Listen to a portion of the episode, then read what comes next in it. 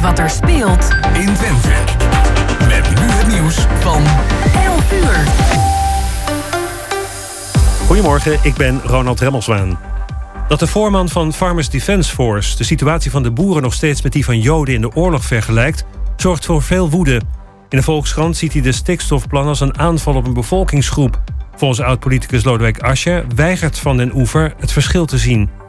Er gebeuren steeds vaker ongelukken met trampolines, waarbij mensen ernstig gewond raken. Dat haalt RTL Nieuws uit cijfers van Veiligheid NL. In tien jaar steeg het aantal ernstige gewonden na een trampolineongeluk met een derde. Vrijwel altijd zijn het kinderen. Kijk goed uit en zorg voor veilig materiaal, zeggen dokters. Zit er niet in dat Rusland en Oekraïne weer snel om de tafel gaan voor vredesoverleg. Kiev wil de gesprekken niet eerder dan eind augustus weer oppakken, zegt een Oekraïense onderhandelaar. In de tussentijd wil Kiev met aanvallen op de Russen de eigen positie verbeteren. De laatste vredesbesprekingen waren eind april. En Rotterdam viert Roze Zaterdag. Er zijn onder meer een mars door de stad en concerten om aandacht te vragen voor de positie van LHBTI'ers. Bij het Feyenoordstadion wappert de regenboogvlag. We zijn een club voor iedereen, zegt een woordvoerder. Pas nog werd de oprichter van de Roze Supportersclub van Feyenoord bedreigd. En dan het weer van Weer Online. Zonnig en heet, maar niet overal. In het zuiden en oosten kan het 30 tot 35 graden worden. In het westen en noorden is het veel minder warm. Vanavond verdwijnt de hitte. En tot zover het ANP-nieuws. Thema beveiliging staat voor betrokkenheid, adequate optreden en betrouwbaarheid. Waar de concurrent stopt, gaat thema beveiliging net een stap verder. Thema beveiliging levert alle vormen van beveiliging voor zowel de zakelijke als de particuliere markt. Thema Beveiliging. De beveiligingsorganisatie van het Oosten. Telefoon 053-4800-560 of stuur uw e-mail naar info.themabeveiliging.nl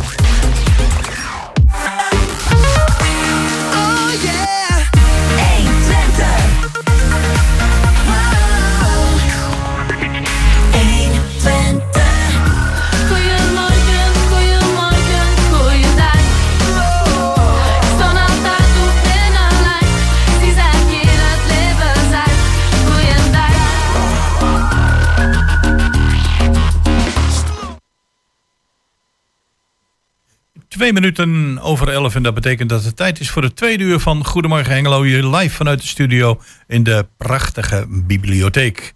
En uh, de gasten die wij mogen verwelkomen, die zijn inmiddels aangeschoven. Eén zit er op de publieke tribune, dat is Santiago Costa.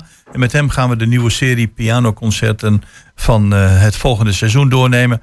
En uh, voor de microfoon heeft inmiddels plaatsgevonden Arjan Mulder. U kent wel van zijn vorige boeken. Met hem gaan we het hebben over zijn nieuwe boek een stap terug of is het één stap terug? Dat zal hij straks uh, aan ons gaan vertellen. En dan uh, nemen we ook nog even de Schouwburg-agenda door helemaal aan het programma met Miranda Jellema.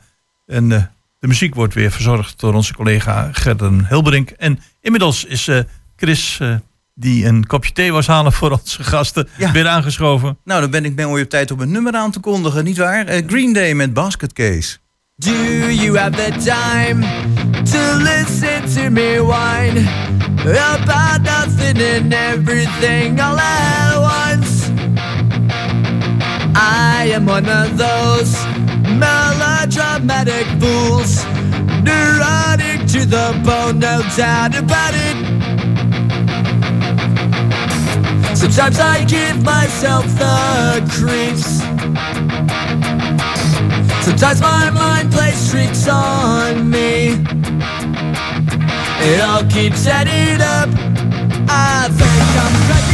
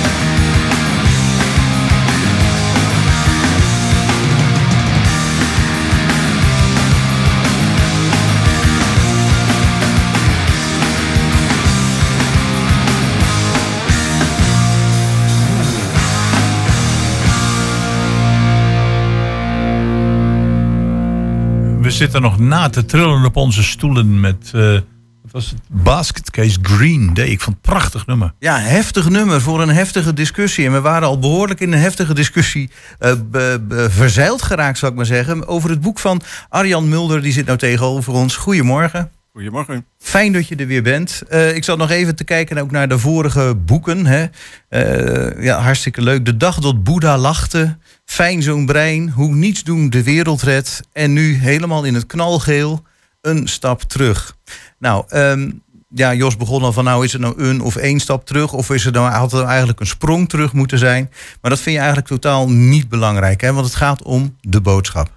Klopt. Ik eh, probeer in veel van mijn boeken hetzelfde verhaal te vertellen. Eh, een beetje op gang gekomen door mijn reizen, door kennismaking met Azië, met andere culturen, inheemse, oosterse enzovoort. Ehm, als je dan terugkomt in onze westenwereld, dan, nou laat ik zeggen, ben je op zijn minst verbaasd. Dan denk je, hè, hoe kan het dat wij ons zo hebben vastgedraaid in een, in een systeem van hè, consumptie, van meer, meer, meer. Nou, nou ga ik En- even een stap terug. Ja. Eh, voordat je dat eh, merkt, dan moet je natuurlijk wel een tijdje in zo'n eh, die landen verbleven zijn. Want anders verbaas je je eerst van, goh, hoe kunnen zij daar leven? Hè, met die koeien op straat, ik noem maar wat. Of je leest erover, of je kijkt naar documentaires. Maar je moet wel zeg maar echt open staan voor. En ja, ik denk dat dat een beetje voor een deel mijn handicap is. Thuis was ik er af en toe gek van. Maar ik, ik kan niet anders dan een stap terug. Ik kan niet anders dan van wat meer afstand kijken naar ja, wat er ook gebeurt in de wereld. En de samenhang proberen te vinden. En dan worden problemen vaak ook een stuk makkelijker, weet je. En dan verbaas je je alleen nog maar meer. Want we bijten ons vast in de ja, het pleisters plakken, kleine oplossingen. ehm, omdat we van nature graag willen blijven doen wat we nu doen. En dat is denk ik de kern van het boek. Ehm, iedereen ziet nu aan van klimaat tot ecologie. Het loopt vast. Dit kan zo niet. Op onze schaal, hè, we gebruiken nu 1,7 aardes. Het Westen gebruikt 4 aardes. Ehm, dan kan je een zonnepaneel op je dak leggen, maar het zal echt wezenlijk anders moeten. een dan klein moet je, druppeltje op een gloeiende ja, plaat. hè? dan moet je Ja. dus inderdaad beseffen wat we nou eigenlijk aan het doen zijn. En dat we met minder spullen eh, eigenlijk ook heel gelukkig kunnen zijn. Want ja, dat zie je in andere culturen. Wij kijken erop neer natuurlijk, hè, inheemse volken. Maar daar denken ze zeven generaties voor uit voordat ze überhaupt iets beslissen. Wat is het effect in de toekomst? Nou, dat hebben wij niet meer. We denken aan nu. Nou, met een beetje geluk aan onze kinderen. En dan houdt het toch echt eh, dik op, hè? Ja. Ehm, dus dat probeer ik steeds nu in mijn boeken op een andere manier. Soms zet ik de culturen naast elkaar. Soms ben ik heel radicaal, hè? hoe niets doen de wereld redt. Eh, laat nou eens zien, als je werkelijk nou gewoon... Niks zou doen. Ja, Oh, de Nou, wereld redt zich wel de volgens mij. wereld redt zich. En Ja. de mensen ook wel. Ja, ik zat even te lachen binnen pretje. Ik Ja. denk, maar Mark Rutte die gaat geen zeven generaties lang nog de leiding hebben over ons land. Dat wordt een beetje lastig. Maar dat is denk ik eh, de, de- het probleem. Het is een systeem. Het is een systeem. We denken allemaal op dezelfde manier en daarmee houden we het in stand. Kijk, Mark Rutte is ook ergens opgeleid op een economische eh, eh, afdeling en denkt ook in geld en in groei en in meer. Dat, dat is de enige oplossing die men ziet. Mhm. En dat is denk ik het dubbele ook van die stap terug. Dat is in consumptie, maar dat is ook, kijk nou eens van iets meer afstand wat we eigenlijk zitten te doen. Ja, want we, we hebben eh, van de week eh, even met elkaar om tafel gezeten. En toen kwam het woord marketing naar voren. Hè? Want een groot gedeelte van de wereld, ik weet niet hoe dat in de Oosterse wereld is, in China en Japan en zo, maar hier in het Westen zijn, eh, wordt de wereld beheerst door iets wat wij marketing noemen. Ja. Dit is gezond voor ons, dat is gezond voor ons, we moeten meer dit, meer dat. En mensen focussen zich daarop Ja. en eh, eh, zeggen ook van, we gaan ons koopgedrag daarop aanstaan. Met de zonnepanelen, noem maar. Je kunt Ja. on, ontilbare grote of een hele lange klopt. lijst maken van dingen die ons eh in worden gefluisterd, zodat we de wereld gaan verbeteren. En jij zegt eigenlijk moet er een mentale omslag komen. Dat is het punt. Als je dus de wereld wil verbeteren op dezelfde ouderwetse manier door steeds meer te consumeren. Kijk, de zonnepanelen, eh, die, die, die komen niet uit de lucht vallen. Hè?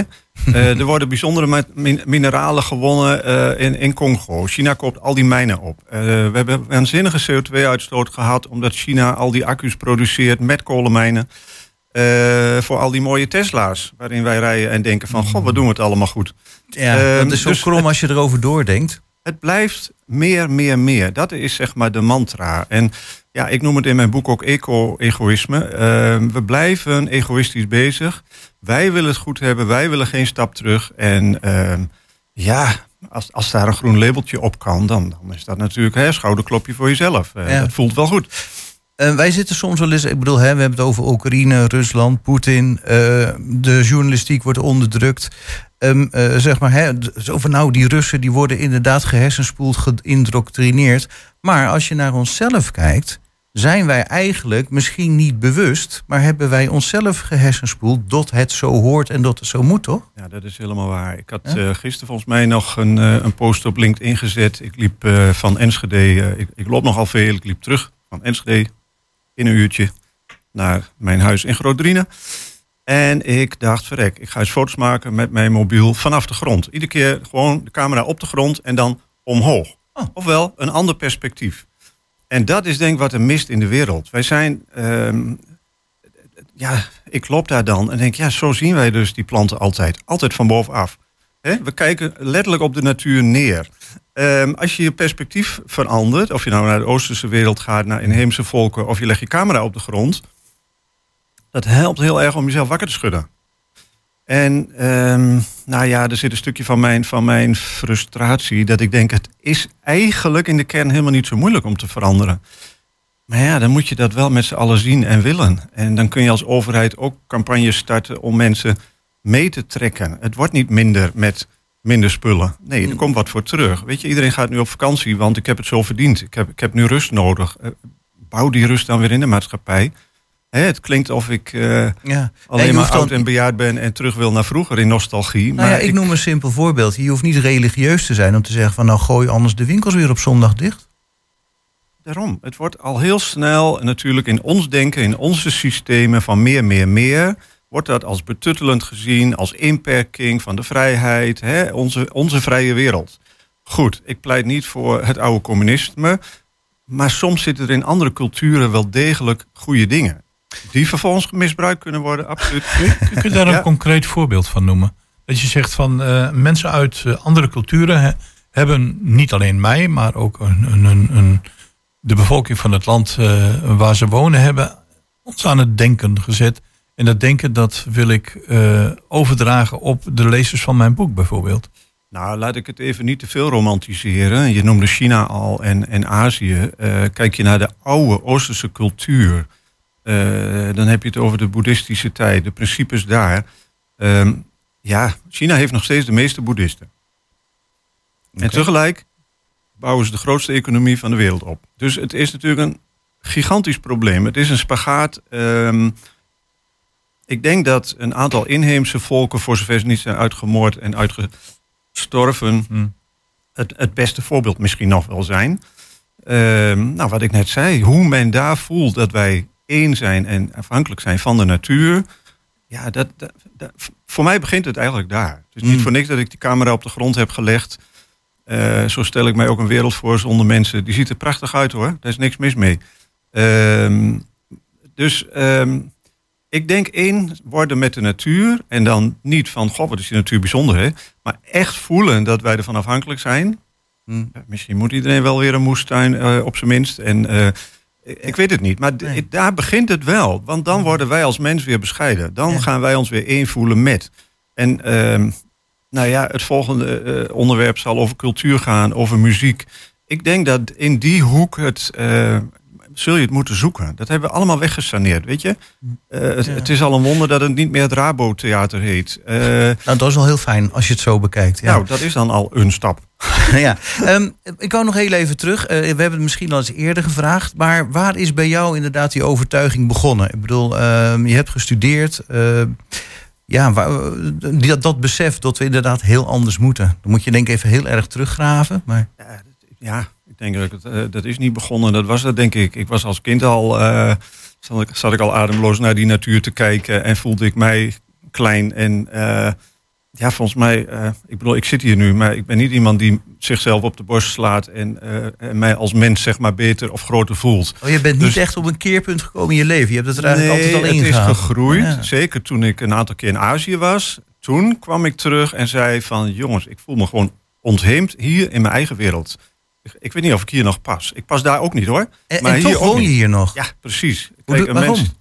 is natuurlijk ook een gewoonte die je. En nee, dat is waar. Er zijn een aantal mensen die stappen dan helemaal uit. En die gaan ergens in een hutje wonen. En eh, ja, misschien ben ik daarvoor nog te veel schoolmeester. En wil ik mijn verhaal eh, kwijt en proberen de wereld te redden. Maar Maar Nou ja, Even gelukkig. terug te komen op, eh, op jouw boek. Je hebt er verschillende geschreven. De, de achtergrondgedachte is, eh, is een beetje de rode draad eh, door je boek van andere culturen, andere filosofieën en niet alleen de westerse filosofie eh, loslaten op deze wereld.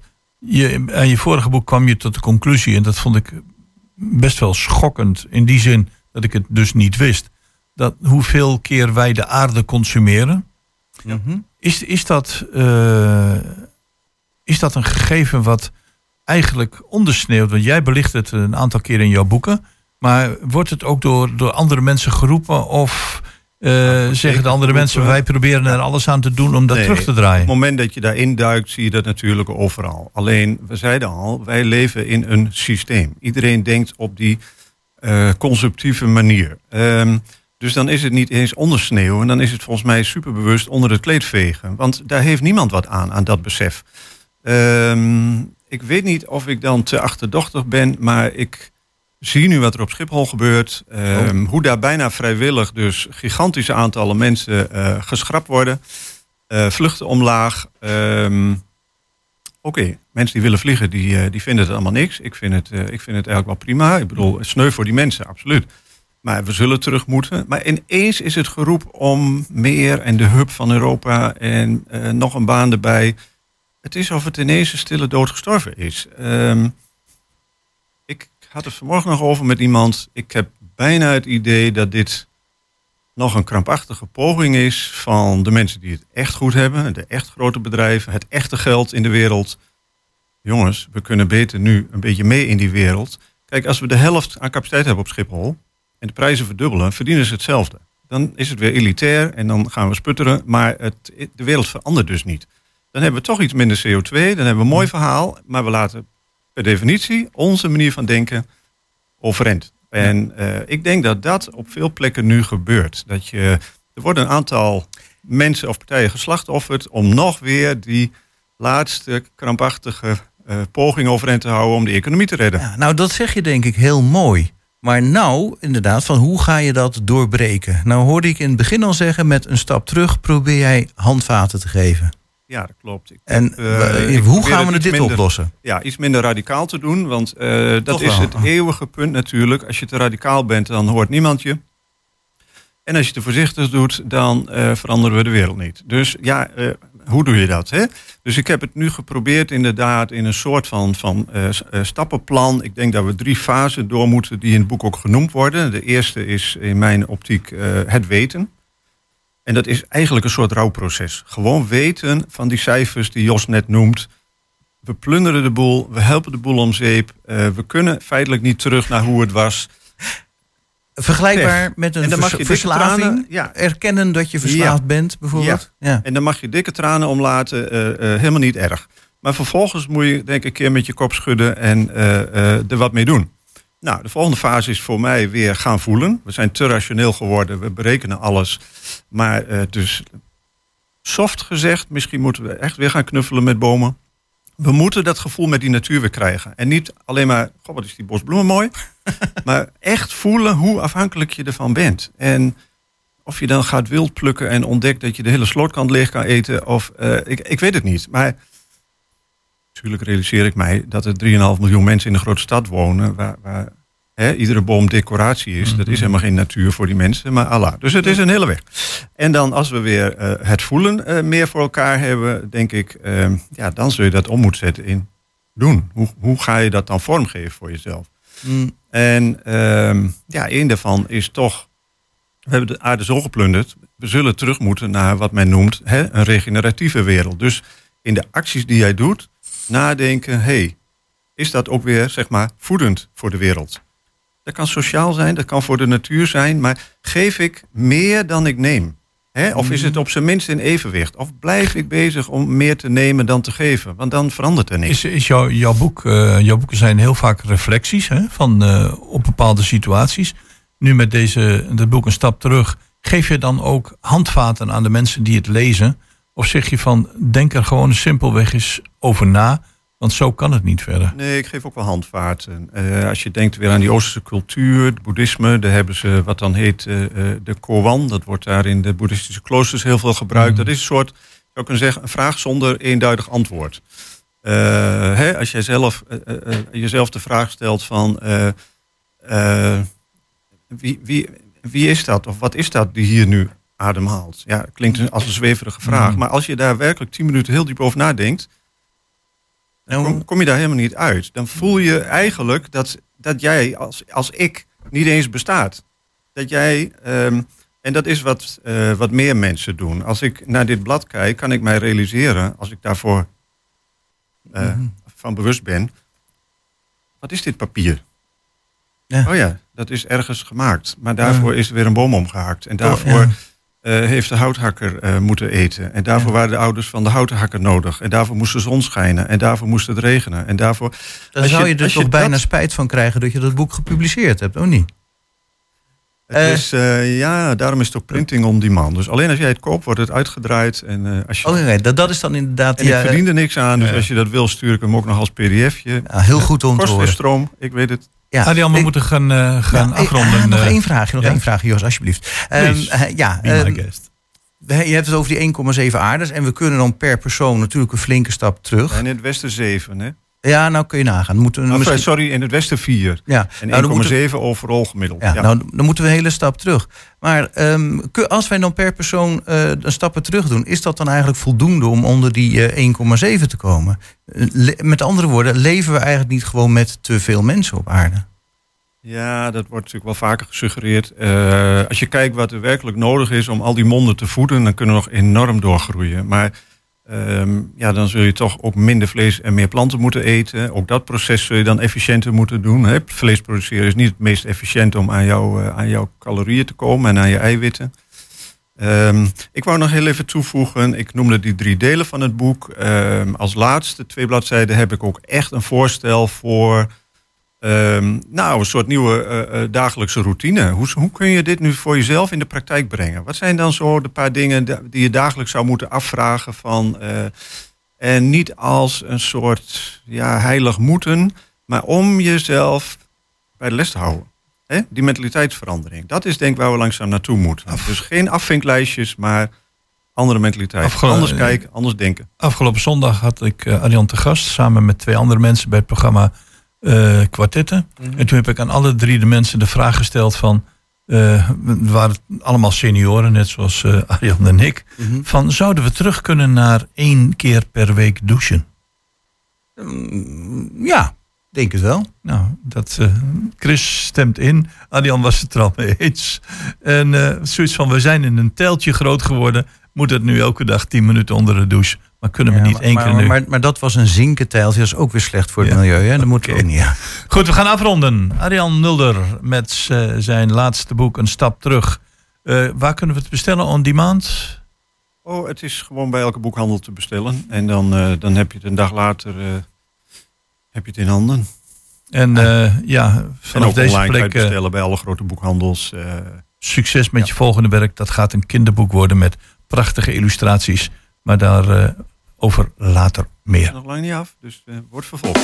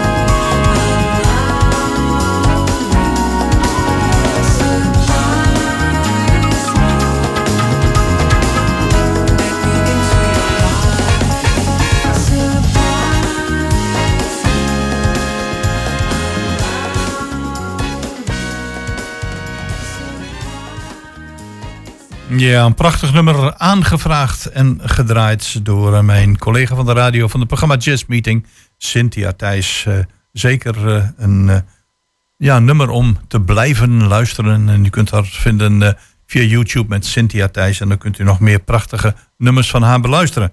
Maar nu we het toch op, over muziek hebben. Inmiddels is ja, aangeschoven iemand van terug van weg geweest. En dat is Santiago Costa. Welkom in het programma. Goedemorgen. Santiago, je hebt eh, ja, goed nieuws te melden. Want eh, je bent verbonden samen met mij. Ik zit ook in het bestuur van de International Holland Piano Series. Een hele mond vol. Maar kun je aan de luisteraars eens uitleggen. eh, je bent dat project gestart een, een tijdje geleden. Dus, eh, ja, als het gaat om eh, de invulling van de, door de artiesten, ligt dat op een waanzinnig hoog niveau. Maar kun je eens iets vertellen wat je ermee beoogt met de International Holland Piano Series en wat het inhoudt? En dan kunnen we straks eventueel ingaan op eh, de verschillende pianospelers die voorbij komen.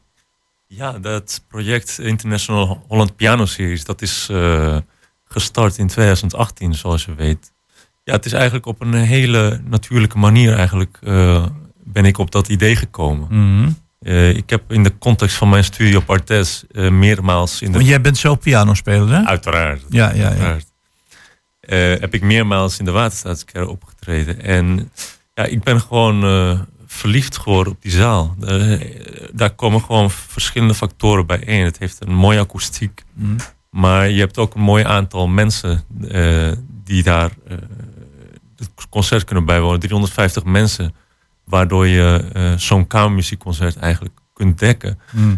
En het is gewoon ook een he- esthetisch gewoon een hele mooie zaal. Dat daar eigenlijk langzamerhand in mijn achterhoofd het idee is ontstaan om daar ja, een eigen serie mee te starten. En ja, dat idee is eigenlijk gewoon langzamerhand gegroeid. Eh, tot wat het nu is en wordt eigenlijk. Maar eh, even voor alle duidelijkheid, we hebben het over een prachtige locatie, de Waterstaatskerk. Je bent zelf eh, bevlogen pianist.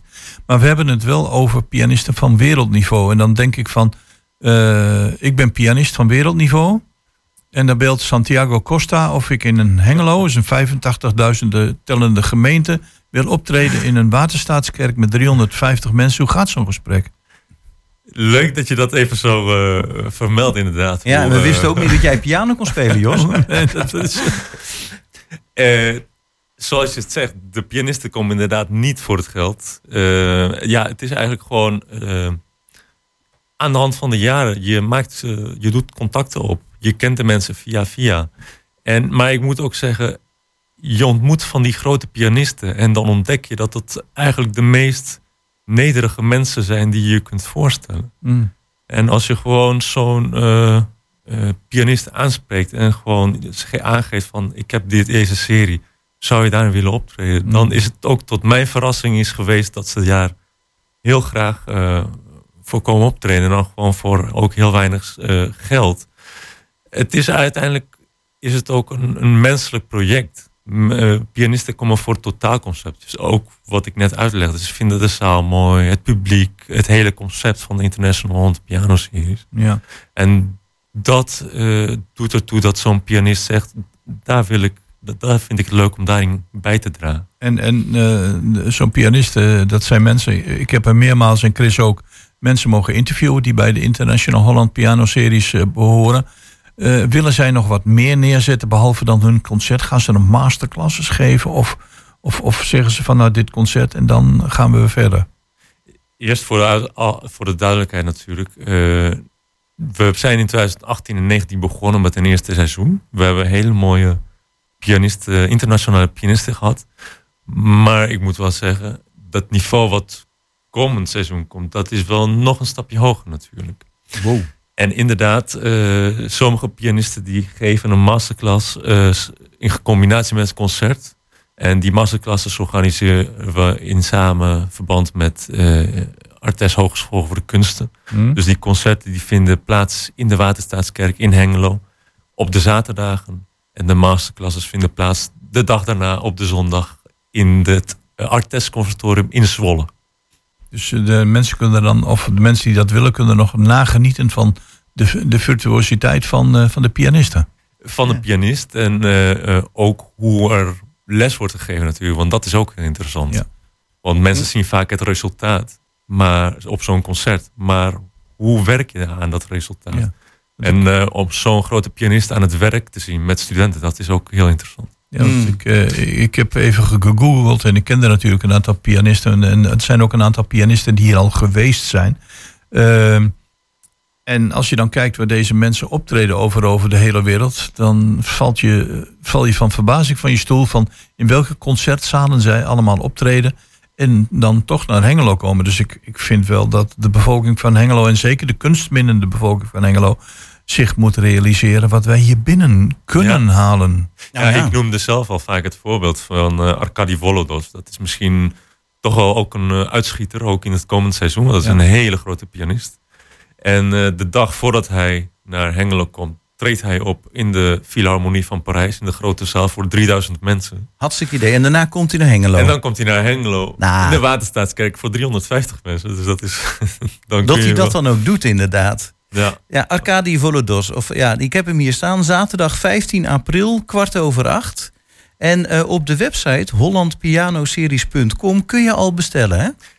nog niet. Oh, Vanaf nou, aanstaande dinsdag, 21 juni, vanaf oh, ik zie je 12 die uur. bestelknop al. Ik wou er al bijna op klikken, maar die doet het dus nog niet. Nog niet. Oh, oké. Nou, goed dat we het even zeggen dan. Maar inderdaad, heel bijzonder. Ja. Eh, nou, ook trouwens, over die masterclasses, dat doet me nog eh, eraan denken. Ik heb een keer een masterclass op tv gezien. Ik geloof dat dat zelfs nog met, hoe heet ze ook alweer? Ehm, nou ja, eh, die, die eh, dame met die lange rode haren, Sonja Barend. Ik geloof dat hij dat gedaan had.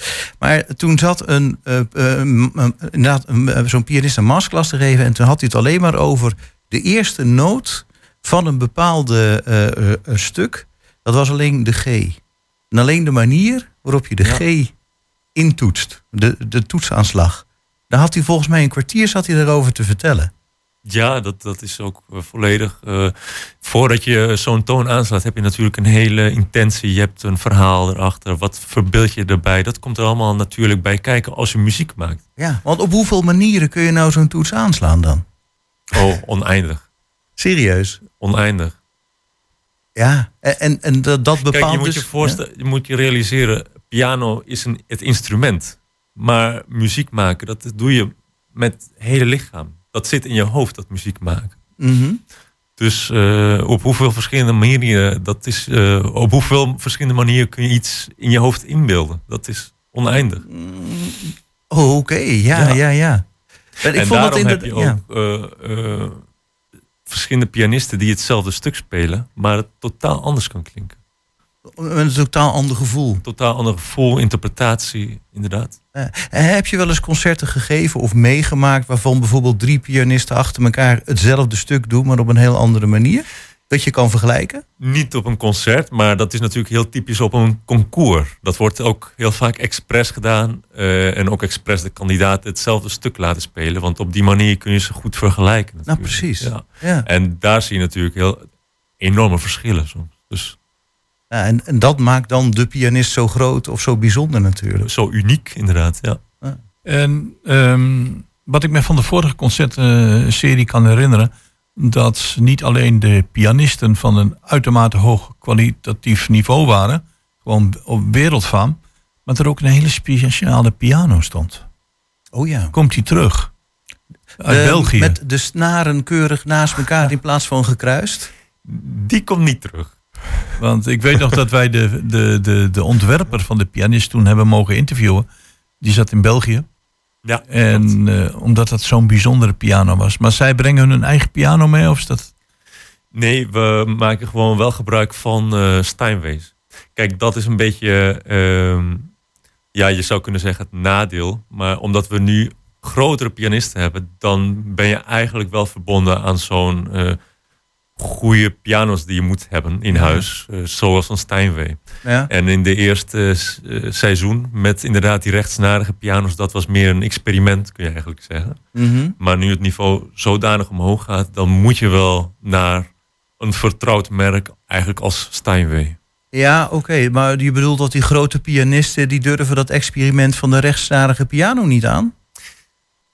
Inderdaad. Maar het is, het is niet alleen een experiment. Eh Steinway is natuurlijk ook gewoon een hele gevestigde Ja, naam. En dat is wat eigenlijk standaard wordt gebruikt op alle podia, grote podia, internationaal. Nee, maar goed, ik wilde toch even op inhaken. Want ik begreep toen ook dat die rechtsnarige piano... die had heel veel voordelen. Daar kwam er toch nog weer een heel ander...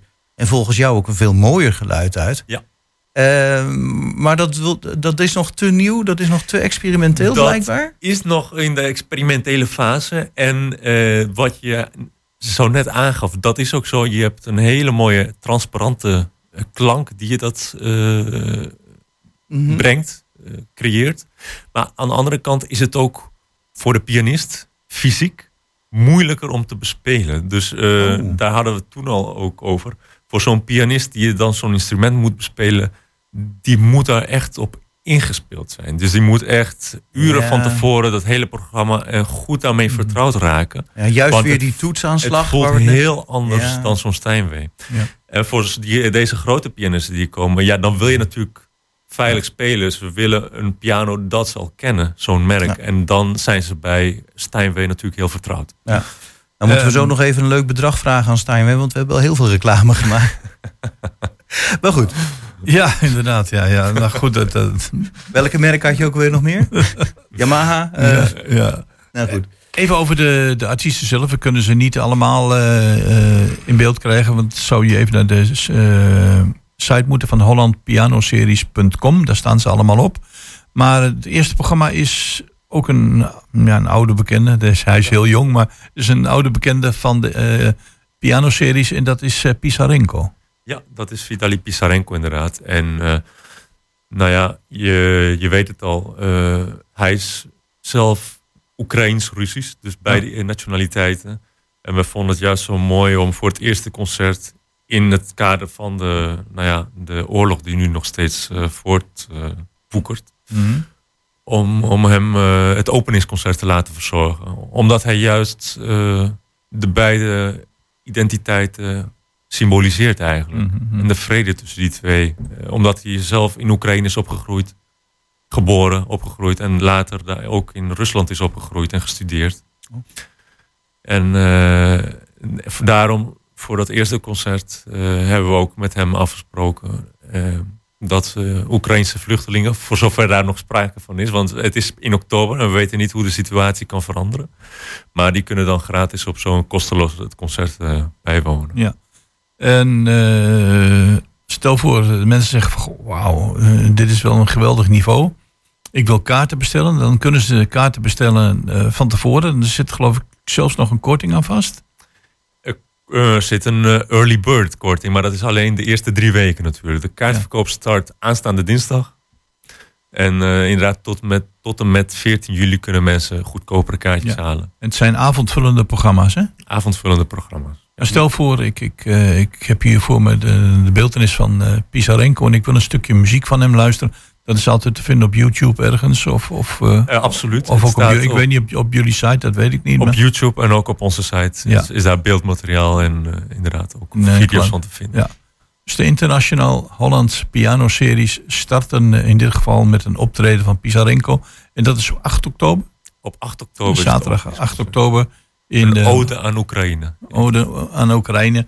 Ja, en verder eh, zijn er eh, ontzettend veel spraakmakende namen die, eh, die voorbij komen. Heb je er nog zelf eentje waarvan je zegt, nou die wil ik absoluut nog even vermelden? Nou ja, Hey, Volodos is natuurlijk een hoogtepunt. Dat, Ja, dat is ook de afsluiting of niet? Nee, Nee. want daarna mag de heer Santiago Costa zelf nog een keertje spelen. Durf jij dat wel, zo vlak na zo'n grote naam? En dan mag, mag jij gaan optreden? Je hebt hem nog nooit horen spelen. Ik heb hem Hij, horen volgens mij is ook hartstikke in, in goed. In de, in de kerk. En ik denk, is dat dezelfde man die we in de studio geïnterviewd hebben? Ging helemaal op in zijn piano en in zijn werken. Ja. Ja, geweldig. ja, dat is over ja, één jaar en een week. Zaterdag 24 juni 2023. Dat klinkt ook nog wel heel ver weg trouwens. Dat klopt. Ja. maar goed. Goed, hollandspianoseries.com. Daar kunt u het allemaal lezen. En in de regionale en de plaatselijke dagbladen. Want eh, daar komen ook nog artikelen in voor. Ehm, kaartverkoop dinsdag 21 juni vanaf 12 uur. En ja, Hengelo moet zich wel realiseren wat ze binnenhalen aan wereldniveau in die prachtige Waterstaatskerk. Dus eh, komt dat zien, komt dat zien. eh, En nog eventjes, hè, eerste drie weken tot half juli eh vroegboekkorting. Denk eraan. Eh hollandpianoseries.com, daar kun je ze bestellen. Wil je er nog wat aan toevoegen, Santiago? Eh, komt allen. Waterstaatskerk, 8 oktober het eerste concert. Met niemand minder dan Vitali Pisarenko. In het kader van eh, de oorlog in Oekraïne. Opengesteld voor mensen, eh, vluchtelingen uit Oekraïne. Kunnen die avond dat gaan bijwonen. En voor de rest verwijzen wij u naar de site hollandpianoseries.com. Santiago, bedankt. Dankjewel.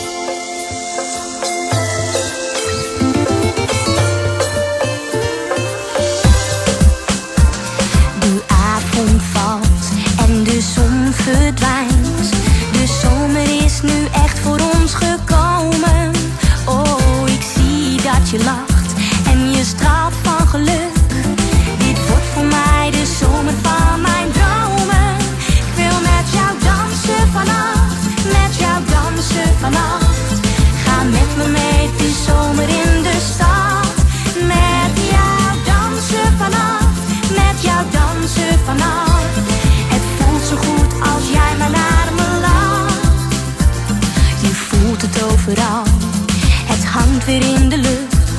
De mensen zijn weer bij elkaar gekomen. Er brandt een vuur op het strand, iemand speelt op een gitaar.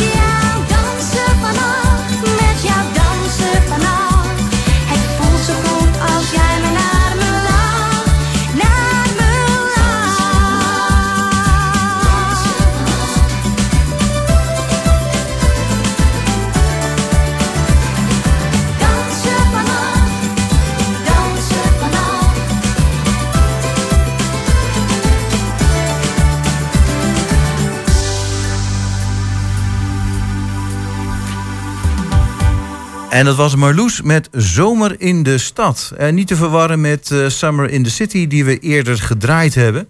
En dan gaan we nu toch echt naar Mirella Jellema. Goedemorgen. Goedemorgen. Ja, ik had je per ongeluk een uur te vroeg aangekondigd, maar toen hadden we heel iemand anders in de uitzending. Ah, vandaar. Ja, we gaan naar de Schouwburg Hengelo. Eh, wat is er? Ja, we hebben je vorige week even gemist. Maar ehm, wat, eh, deze week is er nog het, wel het een en ander te doen. Hè? Je hebt nog ongeveer twee weken voordat de zomerstop intreedt. Ja, klopt inderdaad. Ah. Ehm, we hebben eh, eigenlijk de hele week al eh, de Makers in huis. De Makers is een eh, samenwerkingsproject van de Nederlandse Reisopera en de Theatermakerij in Enschede. Ehm een kweekvijver voor jong Oost-Nederlands theatertalent. En die hebben de hele week bij ons gewerkt aan eh, de voorstelling Sauberfleuten, wat als de leugen regeert. En ze hebben vandaag twee uitvoeringen. Eh, om vier uur gaat de voorstelling in première en dan is er vanavond om acht uur eh, nog een uitvoering. bij ons in de middenzaal. Ja, ik, vind het meteen wel een inspirerende titel hoor. Van wat als de leugen regeert. Ik bedoel, de moeilijk woord. De leugen regeert toch al vaker?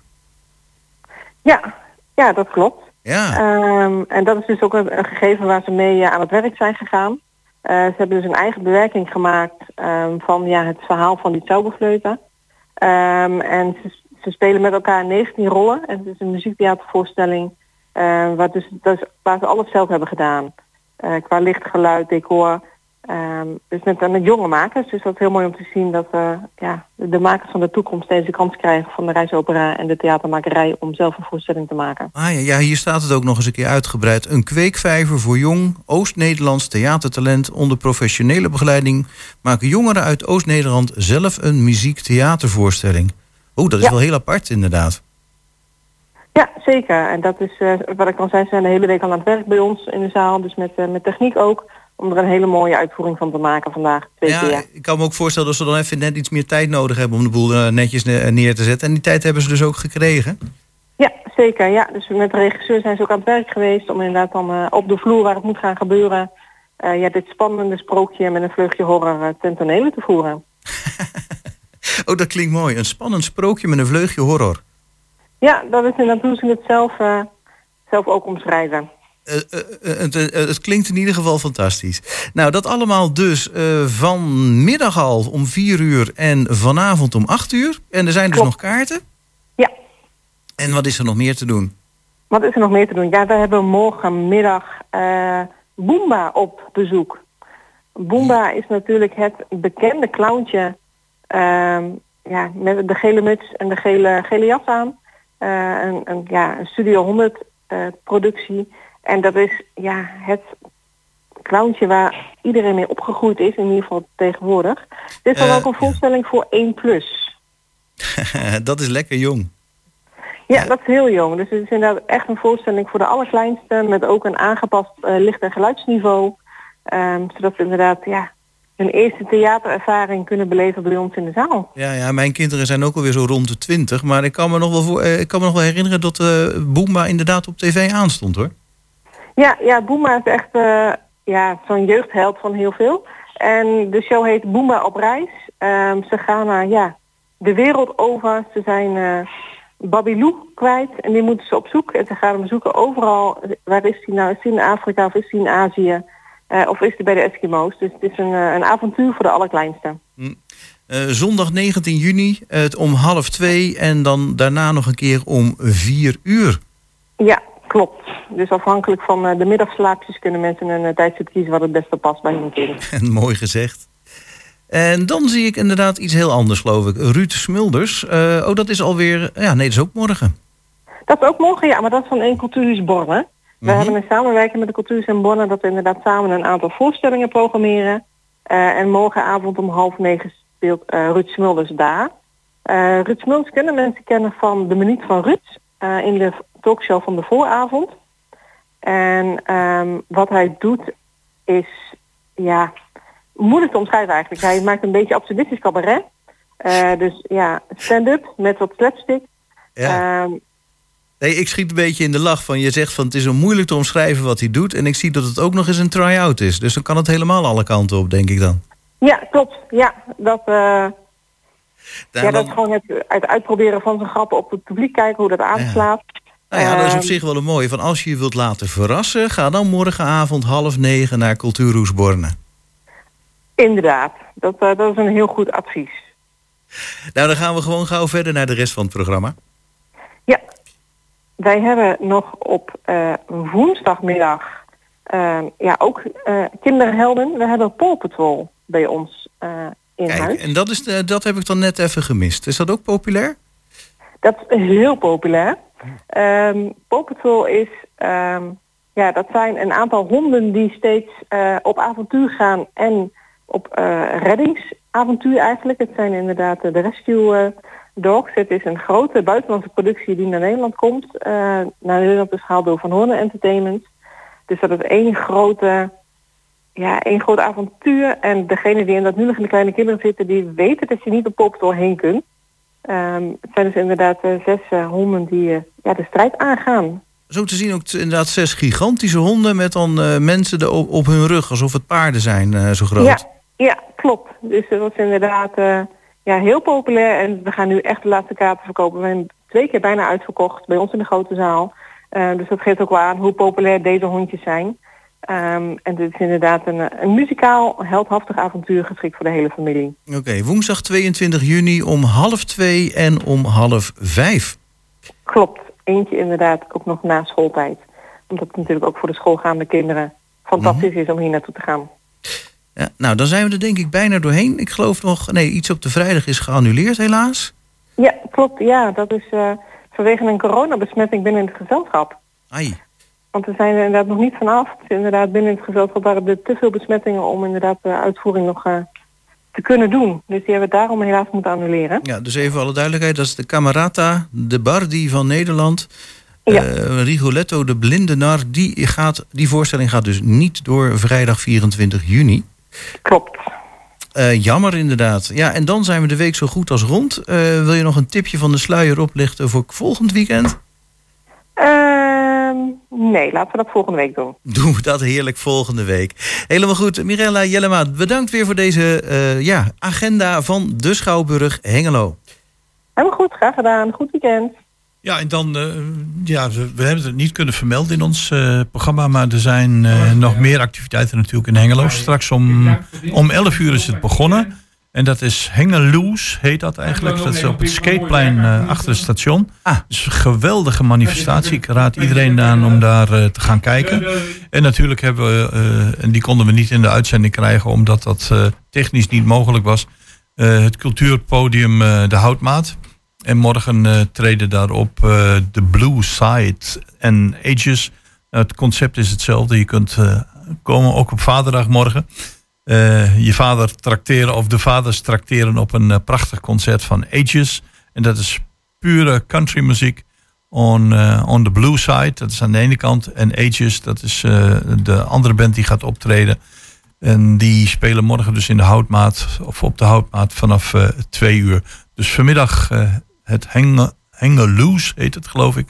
Moeilijk woord, hè? Hengeloos. Ja. Ja, ja, met het, ja, en op die manier wordt, ik weet niet hoe het wordt uitgesproken, maar het is inmiddels nu aan de gang.